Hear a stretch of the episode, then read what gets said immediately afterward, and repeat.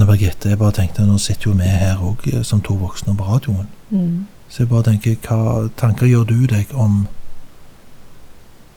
om det vi har snakket om her eh, i løpet av denne serien? Hva er det du sitter igjen med og har blitt opptatt av?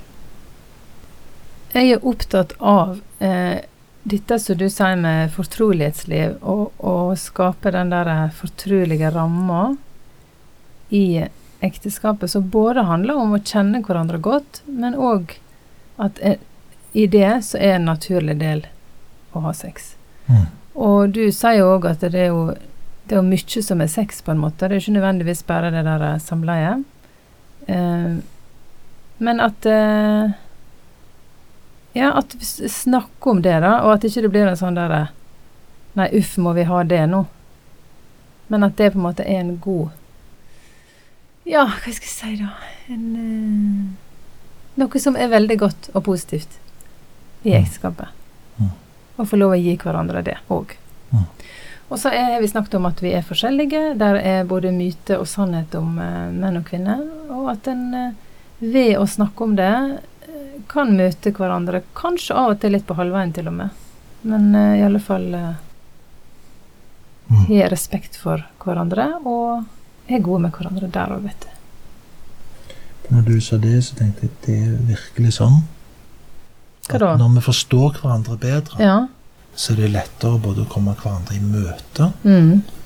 og å samarbeide. ja. Det er ikke noe som bare kommer ut av ingenting ofte.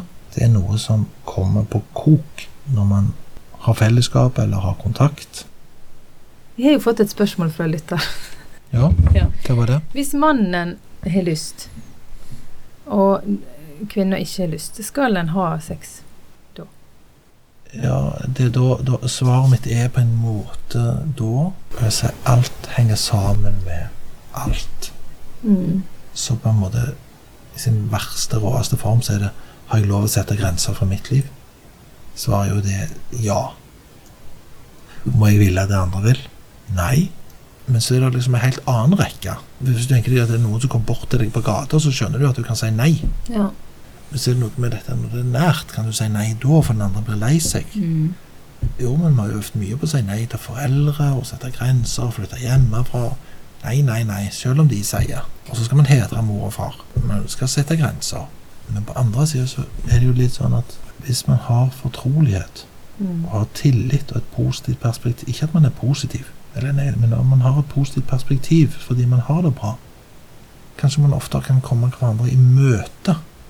Liksom at det er mer sånn. Jeg er ikke helt der at man kan komme hverandre i møte. Eller kanskje man til og med kan snakke om det og løse det på andre måter. Det er vel lettere òg å sette eh, på en måte litt grenser hvis en er hvis en er veldig trygge på hverandre. Samme hva svar jeg får, så er hun glad i meg. Eller forstår du tanken? Ja.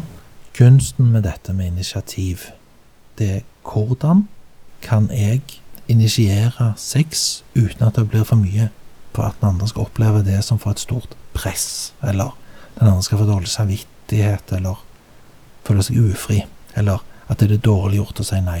Så hvordan skal jeg ta initiativ på en måte som blir grei for den andre? Som er åpen for forskjellige reaksjoner hos den andre?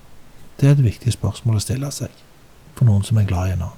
To, hvordan skal man da sette grenser hvis man ikke eller sier nei takk, på en måte som ikke gjør at den andre opplever det som I don't love you. Mm.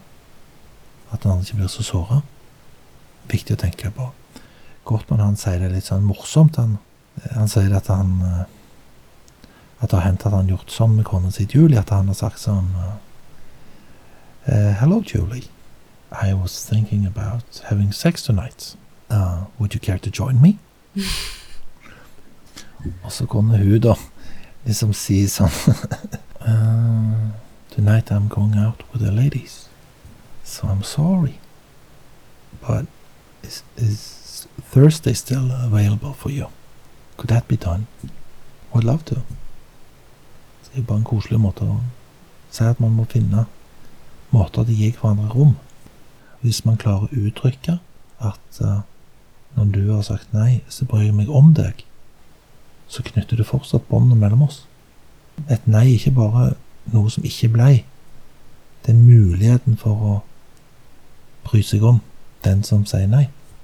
Og så er det òg motsatt, at den som sier nei, kan kanskje tenke at man kan både si nei takk og vise at man bryr seg. At de to tingene går i hop. For hvis begge de tingene skjer, at man liksom At det blir bare fylt av avstand og usikkerhet, disse initiativene, så blir det dumt. Men jeg vil si en ting om seksuell lyst. For ofte så blir det jo sett på som at hvis noen ikke har lyst, hvis ei dame ikke har lyst, så er det litt sånn liksom litt sånn automatisk i folks tankemåte at da er det noe han ikke gjør. Det er noe med han. Men intimitet og sex ligner, sier Gottmann at forskningen har funnet ut. Og det betyr at når du skrur av interessen for den andre, skrur av din aktivitet for å vise at du setter pris på den andre, når du ikke venner deg til og er interessert, men når du på en måte holder deg på avstand eller distanserer deg fra den andre, så svekkes òg den seksuelle lysten. Og hvis du ser på det sånn, så betyr det at kanskje når man har lite seksuell lyst Fortsatt er det sånn man har ulike seksuell lyst, men kanskje man kan se på den lysten man har. At hvis man distanserer seg, så svekkes lysten. En hel del ganger så vil det reflektere at noe har skjedd i parforholdet som man kan velge å ta tak i og engasjere seg i. Noe som må arbeides med, eller vennskap som må bygges eller investeres i. Enten det vanskelige eller det gode må man gjøre noe med, så har det følger for lysten. De vi ikke bryr oss om, har vi mindre lyst på.